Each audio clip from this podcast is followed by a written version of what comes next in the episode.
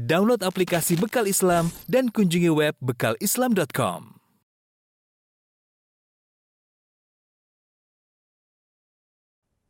Bismillahirrahmanirrahim. Assalamualaikum warahmatullahi wabarakatuh.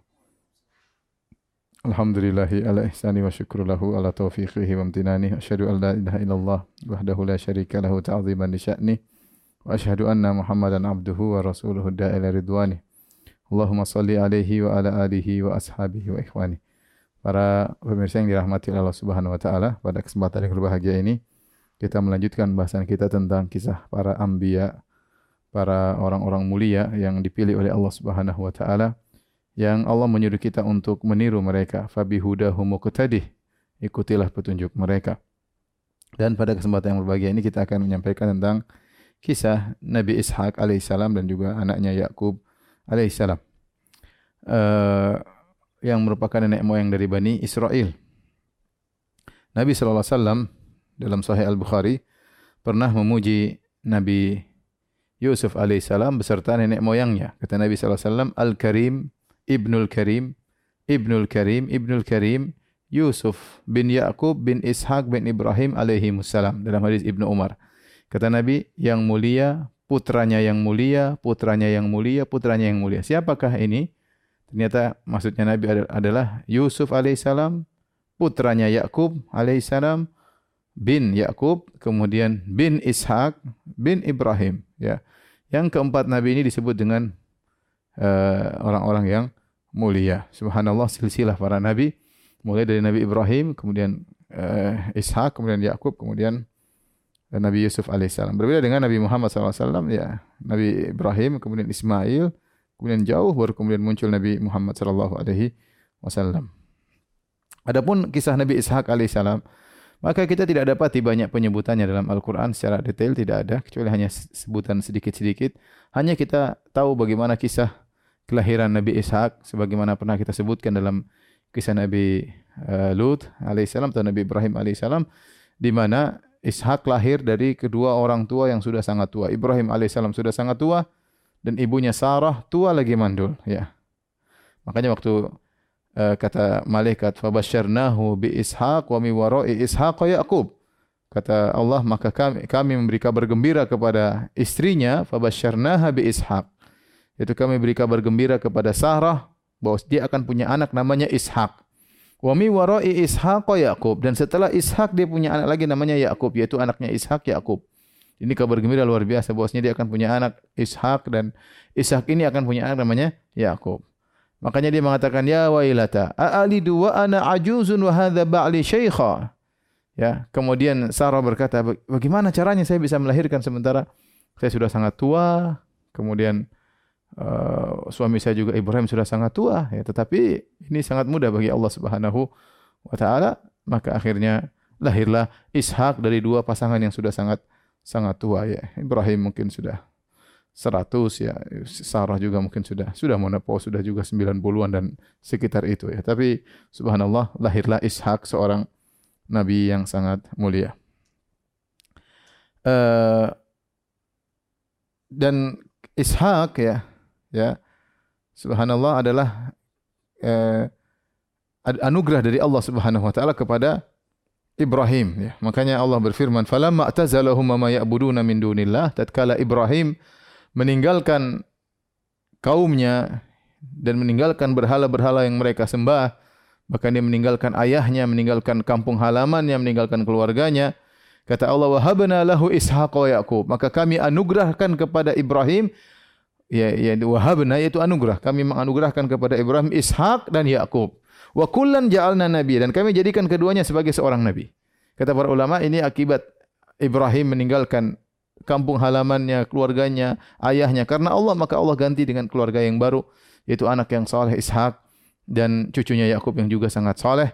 Yang kata Allah wa kullan ja'alna nabiyya keduanya kami jadikan sebagai seorang nabi. Ya Kemudian juga dalam ayat yang lain ketika malaikat datang kepada Ibrahim dan bertemu dengan istrinya Sarah kata Allah inna nubashshiruka bi gulamin alim. Malaikat berkata kepada Sarah atau kepada Ibrahim inna nubashshiruka bi gulamin alim. Sungguhnya kami beri kabar gembira kepada engkau wahai Ibrahim tentang putramu yang seorang alim yaitu Ishak. Para ulama mengatakan maksudnya Ishak.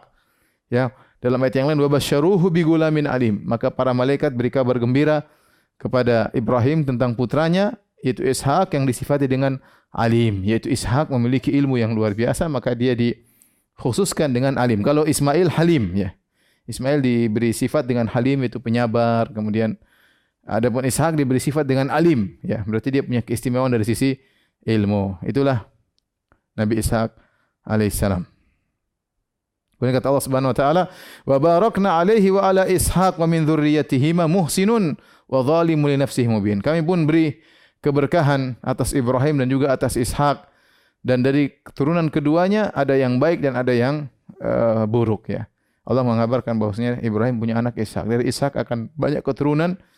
Kemudian muhsinun wa zalimun li nafsihi mubin. Ada keturunan yang baik dan keturunan yang yang buruk. Ini sering saya sampaikan bahwasanya tidak semua eh, keturunan para anbiya berarti orang-orang saleh ya, tidak. Allah sendiri telah mengabarkan dalam surat Safat ya wa min dzurriyyatihima di antara keturunan keduanya Ibrahim dan Ishak muhsinun ada yang baik wa zalimun li nafsihi mubin dan ada yang zalim berbuat maksiat ya pelaku maksiat ya karena yang maksum cuma para nabi adapun keturunannya maka tidak ini sekilas tentang Nabi Ishak alaihissalam yang ceritanya tidak ada dalam Al-Quran. Ya, ceritanya ada di dalam Bible, dalam perjanjian lama. Nanti akan kita singgung.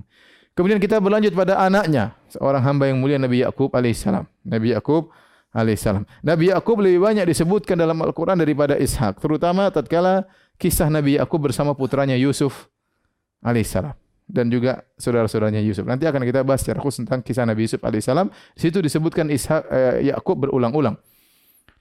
Uh, Allah menyebutkan Nabi Yakub dengan banyak pujian. Di antaranya Nabi Yakub dipuji oleh Allah karena dia menunaikan nazarnya. Dalam surat Al-Imran ayat 93 Allah berfirman kullu ta'ami kana halal li bani Israil illa ma harrama Israil ala nafsihi min qabli an tunazzala at-Taurat. Fa'tu bit-Taurati fatluha in kuntum sadiqin. Kata Allah, seluruh makanan tadinya halal bagi Bani Israel seluruh makanan tadinya halal bagi Bani Israel kecuali makanan yang diharamkan Israel atas dirinya. Israel ini maksudnya Yakub. Israel maksudnya Yakub. Dan Allah menyebutkan Nabi Yakub dengan nama Israel dalam dua ayat. Pertama ayat ini ya surat Ali Imran ya. Kemudian ayat yang kedua dalam uh, surat uh, Maryam ya di mana Allah Subhanahu wa taala uh, sebutkan juga tentang dengan nama uh, Israel ya. Nanti akan kita sebutkan makna dari Israel. Tapi intinya ini adalah uh, Allah Subhanahu wa taala sebutkan bahwasanya Israel di antara kemuliaannya dia menunaikan nazar. Jadi ayat ini turun bagaimana? Kata ahli tafsir di antaranya Syekh Abdul Rahman bin Nasir As-Sa'di rahimahullahu taala bahwasanya orang-orang Yahudi mereka mengingkari Nabi Isa. Orang Yahudi kan pengikut Yakub alaihissalam. Bani Israel itu anak-anaknya Yakub.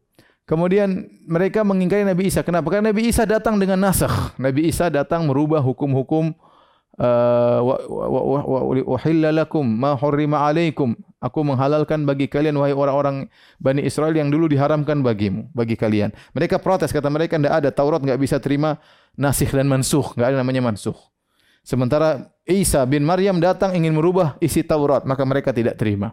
Mereka tidak terima. Apalagi kemudian datang Nabi Muhammad SAW yang kemudian merubah secara total Taurat dan Injil. Mereka lebih tidak terima lagi. Sedangkan Isa mereka tidak terima karena Isa mengadakan perubahan terhadap Taurat. Apalagi Nabi Muhammad SAW. Oleh kerana Allah bantah mereka. Kata Allah, lihatlah. Kullu ta'ami kana hilla li bani Israel illa, illa ma harrama Israel ala nafsihi. Dulu, makanan halal semua bagi Bani Israel. Sebelum turun Taurat, ya, Karena Taurat datang turun kepada Nabi Musa alaihissalam. Sebelum datang Taurat, makanan halal semuanya. Kemudian Israel mengharamkan atas dirinya illa ma harrama Israel ala nafsi. Israel mengharamkan makanan kepada dirinya. Kenapa? Apa ceritanya Israel mengharamkan Israel maksudnya Yakub. Apa ceritanya Yakub mengharamkan makanan bagi dirinya? Disebutkan oleh para ahli tafsir, dia mengalami suatu penyakit namanya erkon nasa, yaitu semacam semacam penyakit uh, di pinggang, ada yang mengatakan mirip dengan uh, saraf kejepit, mirip dengan saraf kejepit ya. Jadi dia kesakitan, kesakitan. Akhirnya dia bernazar kepada Allah. Ya Allah, kalau aku sembuh, aku tidak akan memakan makanan yang paling aku sukai. Disebut daging onta atau susu onta. Dia bernazar, saya tidak akan makan makanan yang paling aku cintai tersebut kalau saya sembuh. Ternyata Allah sembuhkan dia.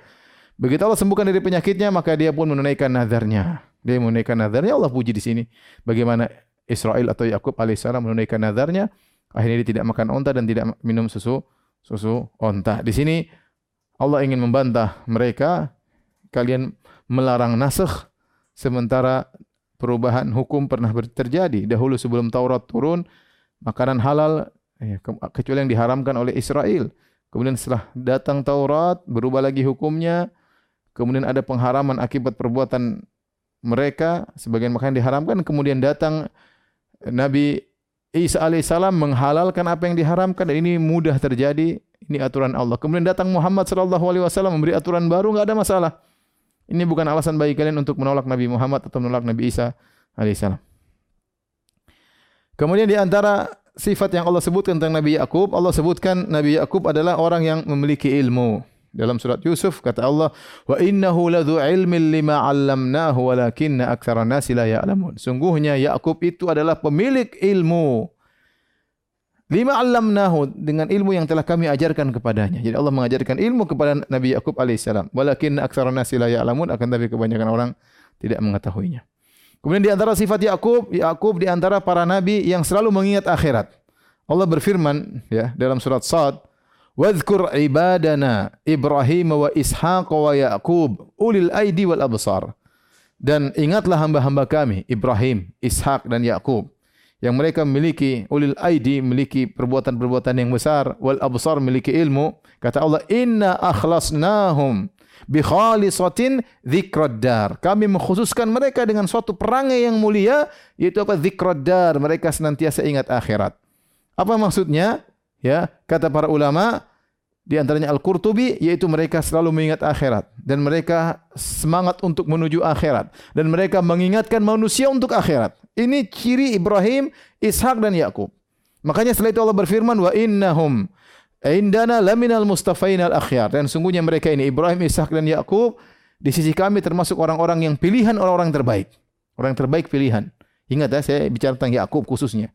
Dia adalah hamba pilihan. Pilihan dari Allah Subhanahu wa taala minal mustafain al akhyar pilihan terbaik. Kemudian selalu ingat akhirat. Bahkan mengingatkan orang kepada akhirat. Itu di antara ciri Nabi Yakub alaihissalam kemudian di antara ciri menakjubkan Nabi Yakub Yakub alaihissalam beliau selalu mengeluhkan kesedihannya kepada Allah dan bersabar dengan ujian. Jadi ini akan kita jelaskan dalam kisah Nabi Yusuf alaihissalam namun di antaranya ya ketika Yusuf hilang. Nanti akan disampaikan dalam kisah Nabi Yusuf. Kemudian putranya juga Binyamin tertahan di Mesir. Maka kata Allah wa tawalla anhum wa qala ya asafa ala Yusuf.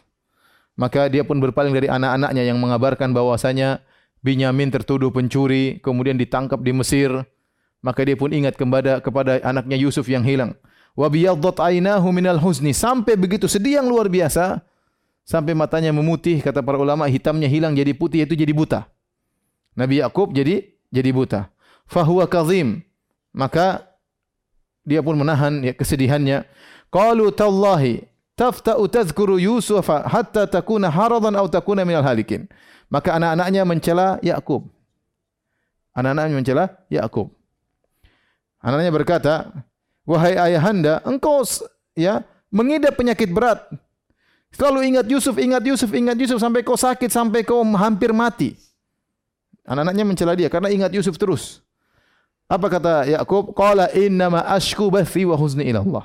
Sungguhnya aku hanya mengaduhkan ya ashku bathi wa huzni. Bath dan huzn hanya kepada Allah. Apa bedanya bath dengan huzn? Jadi kata Nabi aku perhatikan, inna ma ashku bathi wa huzni ila Allah. Aku hanya mengadukan al-bath dan huzn kepada Allah semata. Aku tidak mengadukan kepada manusia. Makanya dia mengatakan fasabrun jamil. Apa sabrun jamil itu kesabaran tanpa memberikan keluhan kepada manusia orang sabar. Kalau orang sabar tapi ngeluh kepada manusia itu bukan orang bukan sobrun jamil. Sobrun jamil itu kesabaran yang kosong dari curhat kepada manusia. Allah dikatakan sobrun jamil tidak curhat kepada manusia. Ini itu tingkatan tidak semua orang bisa melakukannya. Nah, Yakub alaihissalam dia mengatakan, "Inna ma ashku bathi wa huzni ila Allah." Sungguhnya aku mengadak hanya mengadukan bath dan huzn kepada Allah. Apa makna bedanya bath dengan huzn? Ada dua pendapat secara umum di kalangan para ahli tafsir. Sebenarnya ahli tafsir mengatakan al-bath, mereka sepakat al-bath lebih tingkatnya lebih tinggi daripada huzn. Al-bath itu adalah kesedihan yang parah. Tapi mereka memiliki dua pendapat. Pendapat pertama, Al-Bath, ini pendapat Ibnu Ashir, Tahir, Tahir Ibnu Ashir dalam kitabnya Tahrir wa Tanwir, mak maksudnya Al-Bath adalah uh, kesedihan berkaitan dengan kekhawatiran keburukan. Jadi ketika Yusuf alaihissalam hilang, dibuang oleh kakak-kakaknya, senantiasa Yakub alaihissalam berkhawatir bagaimana putraku nanti gimana dia masih kecil sekarang nasibnya bagaimana apakah jadi oh, jadi apa itu selalu dia pikirkan semenjak Yusuf hilang. Itu namanya albas itu memikirkan kekhawatiran buruk menimpa yang dia sayangi. Adapun husni kesedihanku maksudnya kesedihanku dengan berpisah dari dari Yusuf. Jadi pada Yakub terkumpulkan dua albas wal huzn. Albas Al-huzn yaitu kesedihan berpisah dari Yusuf yang, yang putranya sangat dia cintai. Kemudian al-bath yaitu kesedihan yang berkaitan dengan kekhawatiran apa yang akan menimpa putraku sementara dia masih kecil dibuang oleh kakak-kakaknya. Bagaimana nasibnya? Ini selalu dipikirkan oleh Yusuf. Maka dia mengatakan innama ashku bathi wa huzni ila Allah. Aku hanya mengeluhkan kesedihanku dan kekhawatiranku kepada Yusuf hanya kepada Allah. Aku tidak ngomong sama kalian. Ini pendapat pertama. Pendapat yang kedua dan ini pendapat banyak ulama Eh, di antaranya disebutkan oleh Asy-Syaukani rahimahullahu taala al-bath adalah kesedihan puncak kesedihan. Jadi kalau al-huzn itu kesedihan yang orang bisa tahan. Al-bath dalam bahasa Arab al-bath itu artinya menyiarkan. Makanya kalau kita nonton TV ada live tulisannya al-bath al-mubashir. Kalau kita kan live. Kalau dalam TV Arab tulisannya al-bath al-mubashir itu siaran langsung. Al-bath itu menyiarkan. Bahasa bahasa Indonesia artinya al-bath menyiarkan. Tatkala kesedihan sudah memuncak, seorang tidak kuat untuk menahan kesedihan yang sangat parah dan dia ingin menyiarkan itu namanya albas. Oleh karenanya albas adalah puncak kesedihan yang seorang tidak kuat untuk menahannya dan harus dia sampaikan ke orang lain. Dan itu maksudnya dia harus curhat. Kalau dia enggak curhat dia susah. Dia harus curhat. Nah, kesedihan yang sampai pada tingkatan curhat harus dia curhatkan itu namanya albas. Tetapi Yakub alaihissalam innama ashku bathi wa husni ilallah. Aku hanya menyampaikan kesedihanku yang kecil, kesedihanku yang besar, kesedihanku yang merana, semuanya aku hanya keluhkan kepada Allah. Sabrun jamil. Dia tidak pernah mengeluhkan kepada manusia dan ini contoh menakjubkan dari Nabi Yakub alaihissalam. Ya. Untuk bayangkan Nabi Yakub alaihissalam ya, dipisahkan dari anaknya Yusuf ya, sekitar 80 tahun kata Hasan Al-Basri saya bacakan perkataan Hasan Al-Basri. Kana munzu faraka Yusufu Yaqub ila an iltaqaya thamanuna sana. Sungguhnya perpisahan antara Yakub dengan putranya Yusuf 80 tahun. 80 tahun berpisah. Lam yufarik fil lam yufarik fil huznu lam lam yufarik al huznu qalbahu. Selama itu kesedihan tidak pernah lepas daripada hatinya wa dumu'uhu tajri ala khaddaihi dan air matanya selalu mengalir di atas dua pipinya. Wa ma ala wajhil ardi abdun ahabba ila Allah min Yaqub. Padahal di atas muka bumi tidak ada hamba yang paling dicintai oleh Allah seperti Yaqub. Apa kata Hasan Al-Basri? Menakjubkan. Perhatikan ini. Ini faedah luar biasa. Kata Hasan Al-Basri, Hasan Al-Basri rahimahullah seorang ulama tabi'in, dia berkata, Yaqub alaihissalam adalah orang yang paling dicintai di zamannya. Siapa yang paling cintai? Tidak ada. Ishak sudah meninggal dunia. Yusuf masih kecil belum jadi belum jadi nabi yang top waktu itu. Masih kecil baru Allah akan mengangkat dia menjadi seorang nabi. Yang paling mulia di atas muka bumi tatkala itu adalah Yakub alaihissalam. Tetapi 80 tahun semenjak dia berpisah dari Yusuf selalu menangis, tidak pernah berhenti menangis. Sampai ujungnya terakhir dia buta alaihissalam. Padahal dia adalah orang yang paling dicintai oleh Allah di atas muka bumi ini. Jadi dalil bahwasanya kalau Allah mencintai seorang bukan berarti dapat kesenangan terus. Bukan berarti kalau orang orang disayang sama Allah berarti dia kaya, kemudian dia selalu sehat, dia selalu senang-senang, tidak ada masalah problematika, tidak ada. Bukan begitu, tidak harus demikian. Lihat Yusuf alaihissalam, lihat Yakub alaihissalam, orang yang paling dicintai oleh Allah tapi penderitaannya 80 tahun, tidak berhenti-berhenti. Selalu menangis. Maka maksud saya kita ini berat, ini teori, tapi ini teori kita berusaha ngerti dulu, entah prakteknya urusan belakangan. Tapi maksud saya, kalau kita terkena musibah, jangan selalu seuzon kepada Allah. Kita enggak tahu. Bisa jadi anda dikasih musibah karena Allah sayang kepada kepada anda. Kata Nabi SAW, Inna Allah idha ahabba qawman ibtalahum. Sungguhnya Allah jika mencintai suatu kaum, Allah akan menguji menguji mereka. Oleh karena ini Ya- Yakub alaihissalam seorang yang sabar luar biasa. Kemudian di antara sifat mulia Yakub alaihissalam perhatian dia kepada anak-anaknya. Perhatian luar biasa. Saya akan sebutkan beberapa perhatian. Pertama, sabar dia terhadap anak-anaknya durhaka. Anaknya 12 nanti akan disebut. Anaknya 12 laki-laki durhaka, kurang ajar. Yang tidak kurang ajar cuma Yusuf sama Binyamin. Yang 10 kompak untuk durhaka ya menipu bapaknya bapaknya Nabi mereka tipu nanti akan kita sampaikan dalam kisah Nabi Yusuf alaihissalam akhirnya Yusuf dibuang lemparkan dalam sumur dijual durhaka anak-anak ini bayangkan punya anak 10 durhaka semua ya tapi Nabi Yakub alaihissalam sabar yang kedua Yusuf uh, Yakub alaihissalam memperingatkan bahaya hasad kepada anak-anaknya ini berapa bentuk perhatian Yusuf kepada anaknya seperti Yakub memperingatkan bahaya hasad kepada Yusuf. Waktu Yusuf mengatakan ya ya ya abati ini ra'ait apa ini ara sabah apa namanya ya, apa namanya eh, ahada asyara kaukaban wa syamsa wal qamara atum li sajidin. Wahai ayahanda ya. Aku melihat ada sebelas bintang, rembulan dan matahari sujud kepadaku. Apa kata Nabi Yakub alaihissalam? La takhsus ru'yaka ala ikhwatika fayakidu laka kaida. Wahai Yusuf jangan kau ceritakan kepada saudara-saudaramu. Mereka akan buat makar kepadamu. Kenapa? saudara-saudaramu hasad nanti. Jangan jangan cerita. Jadi sayang kepada anaknya jangan sampai cerita kepada kakak-kakak yang lain nanti akan hasad. Bahaya hasad.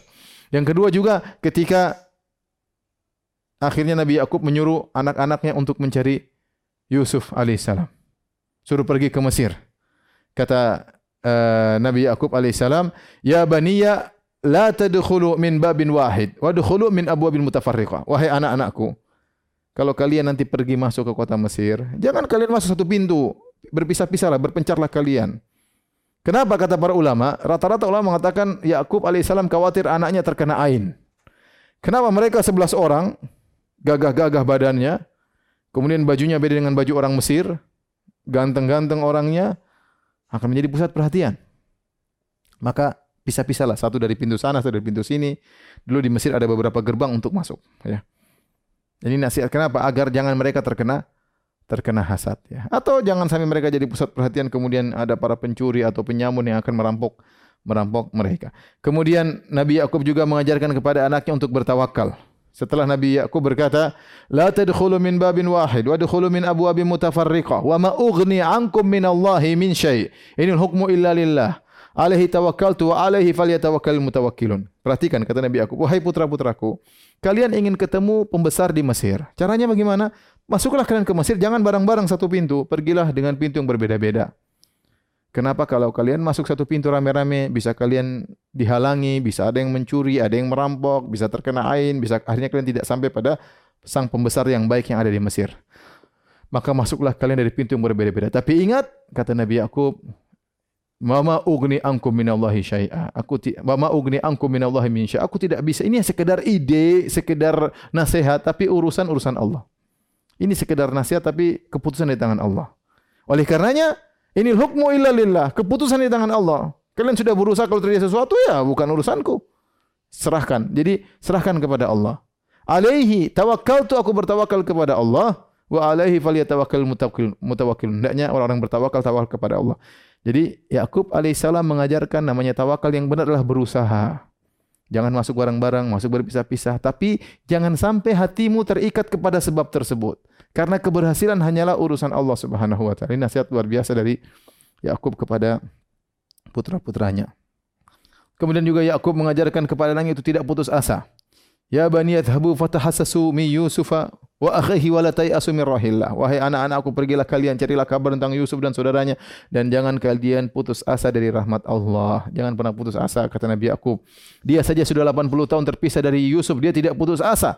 Dia berdoa berdoa setelah 80 tahun baru Allah kabulkan doanya. Bayangkan, tidak putus asa dengan doa kepada Allah Subhanahu wa taala. Selama masih bernafas, selama bisa masih bisa nyawa di dalam nafas, masih di kerongkongan berdoa terus, tidak ada putus asa. Dan dia yang mengatakan wala tayasu mir rohillah. Wahai anak-anakku jangan putus asa dari rahmat Allah Subhanahu wa Sementara dia sudah 80 tahun terpisah dari putranya Yusuf alaihissalam. Dan di antara perhatian dia kepada anak-anaknya alaihissalam dia mewasiatkan tatkala akan meninggal dunia Kata Allah, "Am kuntum syuhada idh hadara Yaqub al-maut?" Apa kalian hadir tatkala Yakub akan meninggal dunia? Idh qala li banihi ma ta'buduna min ba'di? Tatkala dia berwasiat kepada putra-putranya, apa yang kalian sembah setelah aku? Qalu na'budu ilahaka wa ilaha abaika, maka mereka berkata kami menyembahmu menyembah Tuhan bapakmu ya, Ibrahim, Ismail dan Ishak ilahan wahidah. Kami akan menyembah ya Tuhan nenek moyangmu yaitu uh, Tuhan yang esa wa nahnu lahu muslimun dan kami menyerahkan diri kepada Tuhan tersebut. Inilah kisah Nabi Yakub alaihissalam dalam Al-Quran dan kebanyakannya disebutkan dalam kisah Nabi Yusuf alaihissalam. Taib. Uh, para pemirsa yang dirahmati Allah Subhanahu wa taala. Saya katakan tadi Yakub nama lainnya Israel. Allah sebutkan dalam beberapa ayat Al-Qur'an bahwasanya Yakub namanya Israel. Di antaranya tadi dalam surat Ali Imran kullu ta'ami kana halal li bani Israil illa ma harrama Israilu ala nafsi. Kecuali makanan yang diharamkan Israel terhadap dirinya. Israel maksudnya Yakub. Yang kedua yaitu dalam uh, surat Maryam kata Allah ulaika alladziina an'ama Allah 'alaihim minan nabiyyin min dzurriyyati Adam wa mimman hamalna ma'anu wa min dzurriyyati Ibrahim wa Israil. Ya dari keturunan Ibrahim dan Israel. Israel maksudnya Yakub. Yakub alaihissalam. Apa makna Israel? Israel maknanya adalah hamba Allah. Sama seperti Mikail, Jibril, Israfil ya. Il-il itu kata kata sebagian ulama, il-il maksudnya Allah secara bahasa Ibrani. Il-il artinya Allah. Israel artinya Abdullah. Kata mereka Jibril dari Gebrail, Gebrail dalam bahasa Ibrani artinya orang sosok yang kuat, yang sosok yang kuat itu malaikat yang sangat kuat. Mik apa Jibril. Intinya il maksudnya Allah Subhanahu wa taala. Jadi Israel maksudnya hamba hamba Allah Subhanahu wa taala. Nah, bagaimana kisah Yakub alaihissalam? Kita tidak mendapat literatur dalam eh, berita tentang Nabi Yakub yang detail dalam literatur Islam. Kita hanya mendapat berita tentang Yakub alaihissalam dalam literatur orang-orang ahlul kitab.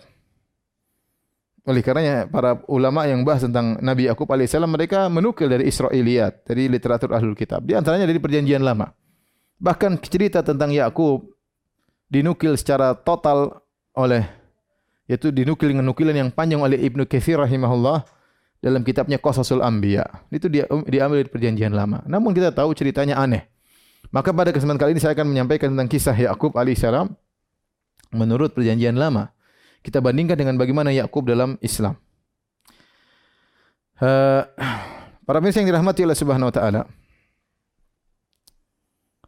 Jadi disebutkan dalam literatur literatur Israiliyat dalam perjanjian lama setelah Nabi Ibrahim dianugerahi oleh Ismail dianugerahi Ismail dengan pernikahannya dengan Hajar kemudian Hajar akhirnya mengungsi dibawa ke Mekah maka setelah itu 14 tahun kemudian atau 13 tahun kemudian lahirlah Ishak lahirlah Ishak kemudian Ishak ya menikah dan punya anak dua namanya Isu atau Al-Is dengan Yakub. Ishak, Ishak punya anak namanya Al-Isu dan Yakub dan istrinya namanya Ribqa atau dalam literatur Islam namanya Rifqa. Istri namanya Ribqa. Hingga hingga uh, Isu hobinya berburu dan dia pandai berburu.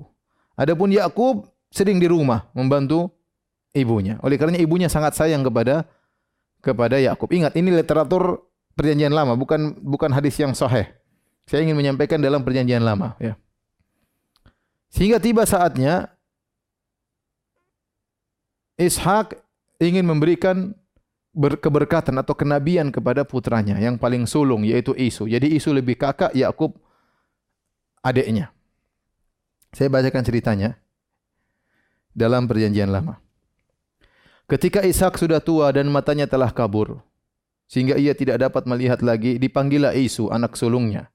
Serta ia berkata kepada anaknya, Anakku, sahut anaknya, Ya Bapak. Berkatalah Ishak, lihat aku sudah tua. Aku tidak tahu bila hari kematianku, kapan hari kematian, aku mau mati intinya. Maka sekarang ambillah senjatamu, tabung panahmu dan busurmu, pergilah ke padang dan burulah bagiku seekor binatang. Olahlah bagiku makanan yang enak dari binatang tersebut, seperti yang aku sukai, Sesudah itu bawalah kepadaku supaya aku makan agar aku memberkati engkau sebelum aku mati.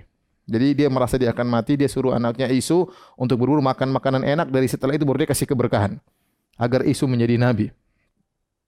Rupanya ibunya Ribka mendengarkannya, istrinya Ishak yaitu ibunya Isu dan ibunya Yakub dengar. Ketika Isu berkata kepada anaknya, Ribka mendengarkannya. Setelah Isu pergi ke padang memburu seekor binatang untuk dibawanya kepada ayahnya, berkatalah Ribka kepada Yakub anaknya. Ribka sayang kepada Yakub si bungsu. Telah ku dengar ayahmu berkata kepada Isu kakakmu, bawalah bagiku seekor binatang buruan dan olahlah bagiku makanan yang enak supaya ku makan dan supaya aku memberikan memberkati engkau di hadapan Tuhan sebelum aku mati. Maka sekarang anakku, dengarkanlah perkataanku. Seperti yang kuperintahkan kepadamu. Pergilah ke tempat kambing domba kita. Ambillah dari sana dua anak kambing yang baik, maka aku akan mengolahnya menjadi makanan yang enak bagi ayahmu seperti yang digemari bawalah itu kepada ayahmu supaya dimakannya agar dia memberkati engkau sebelum ia mati. Bismillah. Jadi maksudnya apa? Maksudnya Ribka karena sayang kepada si bungsu Yakub, maka dia ingin menipu bapaknya. Harusnya kenabian turun kepada kakaknya Isu. Tapi akhirnya sudahlah, biar dia lagi sibuk. Berburu kita ada kambing di belakang, sudah potong aja. Nanti saya yang masakin, kau yang bawa kepada bapakmu. Akhirnya uh, Yakub berkata kepada ibunya, "Tapi isu kakak aku adalah seorang yang berbulu badannya. Bagi ya ibunda, gimana aku mau mengaku sebagai isu kakakku sementara kakakku bulunya badannya berbulu sedang aku kulit kulicin enggak ada bulunya?" Mungkin ayahku akan meraba aku nanti, maka dia akan menyangka bahwa aku mempermainkan dia. Dengan dengan demikian aku akan mendatangkan kutuk atas diriku dan bukan berkat. Tapi ibunya berkata kepadanya, Akulah yang menanggung kutuk itu anakku. Dengarkan saja perkataanku, pergilah ambil kambing-kambing itu. Subhanallah. Ini Ishak Nabi, jadi istrinya Ribka kerjasama dengan putranya Yakub untuk membohongin Ishak. Ishak kebetulan sudah tua, enggak bisa melihat. Lalu akhirnya Yakub mengambil kambing-kambing, kemudian dibawa kepada ibunya, dimasak sesuai dengan masakan kegemaran bapaknya. Setelah itu dia ambil baju Isu disuruh pakai oleh Yakub. Intinya Yakub menyamar jadi Isu. Kemudian akhirnya supaya badannya kelihatan berbulu, kulit kambing diambil dengan bulunya dilipatkan di lehernya, di tangannya, ya. Kemudian setelah itu dibawakan kepada bapaknya. Akhirnya Yakub datang. Wahai bapak, kata Ishak, wahai anakku, siapakah engkau? Kata Yakub, aku adalah Isu, anak sulungmu.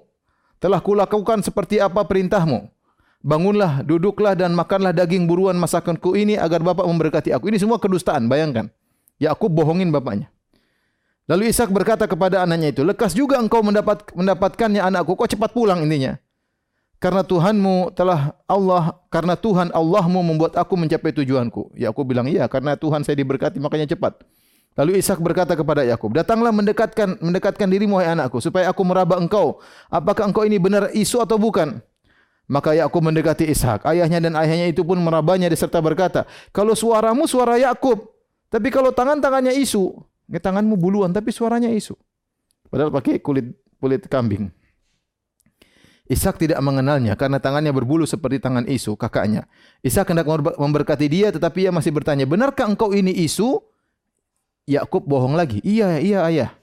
Lalu Ishak berkata, dekatkanlah makan itu kepada aku supaya aku makan daging buruan masakan anakku, agar aku memberkati engkau. Jadi didekatkanlah makanan itu kepada ayah, lalu ia makan. Intinya akhirnya saya terlalu panjang ini dalam nanti bisa buka perjanjian lama nanti yang punya Injil silakan buka ya. Intinya dikasih makan, akhirnya diciumlah dikasih berkat. Engkau akan jadi penguasa, saudara-saudaramu akan tunduk kepadamu dan seterusnya berkat-berkat yang didoakan Isa kepada Yakub. Akhirnya setelah itu datanglah isu belakangan. Sudah masak, sudah siap. Kemudian datang. Dia mengatakan, Bapa, ini makanan sudah siap. Kata Ishak, siapa engkau ini? Aku isu. Ishak kaget. Loh, tadi siapa yang bawa makanan? Aku telah makan semuanya. Sudah selesai. Berkat sudah selesai. Akhirnya dia pun nangis. Wah, isu menang-orang menangis ya. Ya kemudian berkatilah aku juga Bapa jangan semua si Yakub doang aku juga kata Ishak, ya, adikmu telah datang dengan tipu daya. Aku telah dibohongin oleh Yakub adikmu. Dia telah merampas berkat darimu. Akhirnya, apakah bapak tidak punya berkat yang lain? Kata Isu. Kata Ishak sudah enggak ada selesai cuma satu berkat. Subhanallah ini cerita apa? Kitab suci apa dongeng ini? Isu berkata, berkati aku juga ya Bapak. Dengan suara keras menangislah Isu. Lalu Ishak ayahnya menjawab, sungguhnya tempat kediaman, kediamanmu akan jauh dari tanah-tanah gemuk di bumi dan jauh dari embun dari langit di atas. Engkau akan hidup dari pedangmu dan engkau akan menjadi hamba adikmu. Eh, sudah terlanjur kau akan jadi anak buah adikmu di kemudian hari. Intinya, Isu menaruh dendam kepada Yakub karena berkat yang telah diberikan oleh ayahnya kepadanya. Ia berkata kepada dirinya hari-hari berkabung karena kematian ayahku itu tidak akan lama lagi. Pada waktu itulah Yakub adikku akan kubunuh. Ishak berdendam. Apa bukan Ishak, Isu. Pokoknya kalau bapak Ishak sudah meninggal, bapak aku Ishak meninggal, akan kubunuh si Yakub. Akhirnya Ribka mendengar putra sulungnya ingin bunuh adiknya Yakub. Maka dia panggil Yakub, ibunya Ribka. Dia berkata, Isu kakakmu bermaksud membalas dendam membunuh engkau. Jadi sekarang anakku dengarkanlah perkataanku, pergilah bersiaplah engkau dan larilah kepada Laban. Laban itu saudara saudaraku, yaitu omnya, pamannya. Ke Haran, di Haran, di negeri Syam. Dan tinggallah padanya beberapa waktu lamanya sampai kegeraman dan kemarahan kakakmu itu surut daripadamu. Dan ia lupa apa yang telah engkau perbuat kepadanya. Kemudian aku akan menyuruh orang menyebut engkau dari situ. Mengapa aku akan kehilangan kamu berdua pada satu hari juga? Akhirnya inilah ceritanya. Kata ibunya, udah Yakub kamu segera pergi. Maka pergilah Yakub. Ini cerita. Subhanallah dibingungkan oleh para pendeta mereka gimana nafsirkan cerita ini. Bagaimana kenabian dirampas dengan ke kelicikan, kebohongan. Pertama, perhatikan. Pertama, cerita ini menuduh Ribka, istrinya Nabi kurang ajar. Bayangkan bohongin suaminya. Bohongin kerjasama dengan putranya Yakub. Kemudian menjelaskan Yakub tukang bohong. Bayangkan bohongin bapaknya. Bagaimana tukang bohong jadi Nabi? Yakub kok bisa jadi Nabi? Bohongin bapaknya untuk merebut keberkatan dari Isu, dari kakaknya. Kemudian apakah kenabian adalah keturunan yang berhak ya Ishak kasih sana kasih sini? Kemudian kalau Ishak bisa ditipu, bagaimana Allah mau tertipu? Bukankah keberkatan dari Allah? Allah kan tahu ini ya aku bohongin, masa mau dikabulkan doanya Ishak? Ini kayak cerita Yunani atau cerita apa? Bagaimana cerita seperti ini? Ya. Kemudian bagaimana mungkin setelah itu Yakub masih didoakan lagi oleh Ishak? Eh, apa? Iya, setelah itu Ishak sudah tahu Yakub bohongin dia masih didoakan lagi sama Ishak. Ya, ini aneh. Ini intinya mencela mencela Yakub dikatakan pembohong padahal ini nenek moyang mereka Yakub. Kemudian mencela ibunya juga tukang bohong Ribka, kemudian mencela Ishak, masa Ishak sudah tahu anaknya bohong masih didoain lagi. Kemudian mencela Allah bagaimana ya Ishak berdoa kemudian dikabulkan oleh Allah padahal dia sedang ditipu oleh Yakub. Ini tidak ada dalam Al-Quran seperti ini. Tapi kita lanjutkan versi mereka. Akhirnya Yakub pergi ke Haran, ketemu dengan pamannya Laban. Di sana ternyata pamannya Laban punya anak dua, namanya Lia dan Rahel. Rahel cantik bungsu, Lia kurang cantik. Akhirnya si Yakub alaihissalam ini dalam cerita mereka tertarik sama Rahel. Kemudian dia bilang sama omnya, Om, saya ingin nikah sama anak om Rahil. Nah begini aja, kalau kau mau nikah, kau kerja sama saya tujuh tahun. Oke. Okay. Setelah tujuh tahun nikah sama Rahil, karena Rahil yang cantik. Setelah Yakub bekerja selama tujuh tahun, kemudian terjadi pernikahan, kemudian disuruh masuk di kamar, intinya untuk bertemu dengan istrinya. Begitu dia ketemu, ternyata bukan Rahil, ternyata yang dikasih Lia yang kurang cantik. Akhirnya Yakub bilang, Om gimana? Kan kita janji sama Rahil, kenapa kau kasih Lia? Rahil yang cantik, Lia kurang cantik. Apa kata omnya?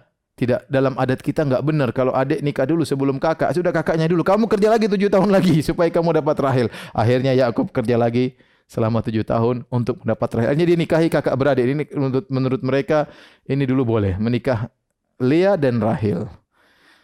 Akhirnya uh, Leah punya budak namanya Zilfa ya. Uh, adapun Rahil punya budak namanya Bilha Ketika menikah ternyata Lia punya anak. Akhirnya Rahil pun cemburu. Akhirnya Rahil menghadiahkan budaknya bernama Bilha kepada Yakub. Akhirnya Yakub nikahi punya anak. Akhirnya Lia pun cemburu dia si, hadiahkan pun budaknya Zilfa kepada Yakub. Akhirnya punya anak juga. Akhirnya Yakub punya empat istri, yaitu Lia, kemudian adiknya uh, Rahil, kemudian budaknya Rahil yaitu Bilha dan budaknya Lia yaitu Zilfa. Dan ini empat dinikahi. Dari empat ini punya anak dua belas. Dua belas anak ini disebut dengan Banu Israel. Adapun Rahil inilah ibunya Binyamin dan Isma Binyamin dan Yusuf. Rahil ni ibunya Binyamin dan Yusuf. Adapun tiga yang lain punya anak sepuluh. Sepuluh sisanya dari tiga ibu tersebut. Saya bacakan ini dalam perjanjian lama bisa dilihat dalam kitab Kejadian 35 ayat 23 sampai 27. Dari istri pertamanya Leah lahirlah anak bernama Ruben, Simon, Le, Lawi, Yahuda, Isakhar dan Zebulon. Dari Rahil lahir Yusuf dan Binyamin. Dari Bilha lahirlah Dan dan Naftali. Dan dari Zilfa, Gad dan Aser. Inilah 12 anak dari Yakub yang 12 anak disebut dengan Bani Israel. Dua di antaranya Binyamin dan Yusuf, ibunya Rahil. Sisanya nanti cemburu kepada Binyamin dan Yusuf. Akan kita sebut dalam kisah Nabi Yusuf alaihissalam. Baik, kita masih ada sedikit waktu. Di antara cerita yang aneh dalam Bible, dalam Bible, dalam perjanjian lama, kisah judulnya Yakub bergulat melawan Allah. Bayangkan. Yakub bergulat melawan Allah. Jadi Yakub berkelahi lawan Tuhan. Ini aneh dan ini cerita dibikin bingung para pendeta gimana menafsirkan cerita ini. Sampai sekarang mereka bingung sudah tafsirkan cerita ini. Jadi ceritanya suatu hari jadi Yakub ini takut tahu kakaknya isu datang ingin membunuh dia maka dia pun kabur ketakutan. Ya sampai dia bawa istrinya, kedua istrinya, bawa kedua budaknya, akhirnya menyeberangi tempat sungai dan yang lainnya. Dia pergi, ya. Ketika, ya, uh, saya bacakan penulisannya. Pada malam itu Yakub bangun dan ia membawa kedua istrinya, kedua budaknya perempuan dan kesebelas anaknya dan menyeberangi di tempat penyeberangan sungai Yabok. Sesudah ia menyeberangkan mereka, ia menyeberangkan juga segala miliknya. Lalu tinggallah Yakub seorang diri. Perhatikan. Dan seorang laki-laki bergulat dengan dia sampai fajar menyingsing. Ada orang laki-laki bergulat sama dia. Ketika orang itu melihat bahwa ia tidak dapat mengalahkannya, orang yang berkelahi dengan Yakub tidak bisa mengalahkan Yakub, ia pukul sendi pangkal Yakub. Maka pangkal Yakub dipukul sama orang tersebut. Lalu kata orang itu, biarkanlah aku pergi karena fajar telah menyingsing. Lepasin aku, aku ingin balik karena fajar sudah terbit. Sahut Yakub, aku tidak akan biarkan engkau pergi jika engkau tidak memberkati aku. Berkati aku dulu sebelum kau pergi. Bayangkan ini Tuhan ditangkap suruh kasih berkat. Bertanyalah orang itu kepadanya, siapa namamu? Sahutnya Yakub. Lalu kata orang itu, namamu tidak akan disebut lagi Yakub tapi Israel. Ini asal muasal kenapa menurut mereka Yakub disebut Israel karena sempat nangkap Tuhan, Tuhan enggak bisa pergi. Sebab engkau telah bergumul melawan Allah dan manusia dan engkau menang. Bayangkan, lawan Tuhan, Tuhan kalah dia menang. Ya, Kata Yakub, katakanlah juga namamu, tapi sahutnya mengapa engkau menanyakan namaku? Lalu diberkatinya lah Yakub di situ. Jadi Tuhan ini kasih berkat sama Yakub. Yakub menamai tempat itu dengan Peniel, sebab katanya aku telah melihat Allah berhadapan muka, tetapi nyawaku tertolong. Lalu tampaknya tampaklah kepadanya matahari terbit ketika ia telah melewati Peniel dan Yakub pincang karena pangkal pahanya tadi dipukul Tuhan. Itulah sebabnya sampai sekarang orang Israel tidak memakan daging yang menutupi sendi pangkal paha karena dia telah memukul karena dia dal, da, dia besar dal besar dia besar karena dia Allah telah memukul sendi pangkal Yakub pada otot pangkal pahanya. Buka kitab Kejadian 32 ayat 22 sampai 32. Lihat ini kisah Tuhan kalah gelut sama Nabi Yakub alaihissalam. Cuma ini aneh, coba bayangkan. Sebelumnya disebutkan ini kan ayat 3 ayat Kejadian 32 ayat 22 sampai 32. Sebelumnya ayat 21 ayat 1 sampai 21 cerita bagaimana Yakub ketakutan mau dibunuh sama kakaknya Isu. Tahu-tahu dia ketakutan manusia, tahu-tahu berkelahi sama Tuhan, Tuhan kalah. Kemudian Tuhan mau minta izin, wah Yakub lepasin aku. Sebentar lagi fajar menyingsing. Emang Tuhan kalau fajar menyingsing Tuhan kenapa? Kayaknya tugasnya harus segera kembali ke langit sebelum fajar menyingsing. Apa Tuhan punya kerja waktu tertentu ya, dan yang lainnya. Kemudian Tuhan minta dilepasin. Ya aku paksa. Enggak, saya kan enggak dilepasin engkau sampai aku kasih berkat sama saya. Subhanallah. Tuhan dipaksa sama Yakub alaihissalam. Ya.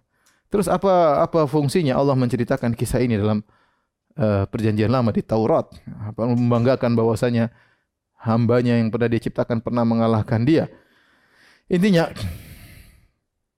Kisah ini membuat rahib dan para pendeta Nasara kebingungan menghadapi teks ini. Mereka harus menafsirkan dengan banyak penafsiran, dengan banyak pentakwilan. Ya, mereka bingung ya. Ya, kita coba bayangkan tadi tentang Yakub alaihissalam yang kita sebutkan dalam versi Al-Quran, yang saleh, penyabar, ya, jujur, bertakwa. Adapun Yakub versi Injil tadi apa? Penipu, nipu kakaknya, kemudian ah, semacam-macam gimana cerita Nabi Yakub alaihissalam seperti seperti itu ya. Uh, kemudian Yakub akhirnya meninggal dunia setelah bertemu dengan uh, anaknya setelah pisah dengan Yakub, kemudian bertemu dengan Yakub, kemudian akhirnya uh, bertemu dengan Yusuf. Setelah itu kemudian dia meninggal dunia alaihissalam. Uh, demikian saja para pemirsa yang dirahmati Allah Subhanahu wa taala uh, kisah tentang Nabi Yakub alaihissalam. Kita bersyukur memuji Allah Subhanahu wa taala atas anugerah Islam, anugerah kita membaca Al-Qur'an, anugerah kita uh, mengetahui bagaimana kisah para anbiya, para nabi yang menakjubkan versi Islam. Sementara kita sedih melihat bagaimana kisah para nabi yang sudah saya sebutkan dari awal versi Bible.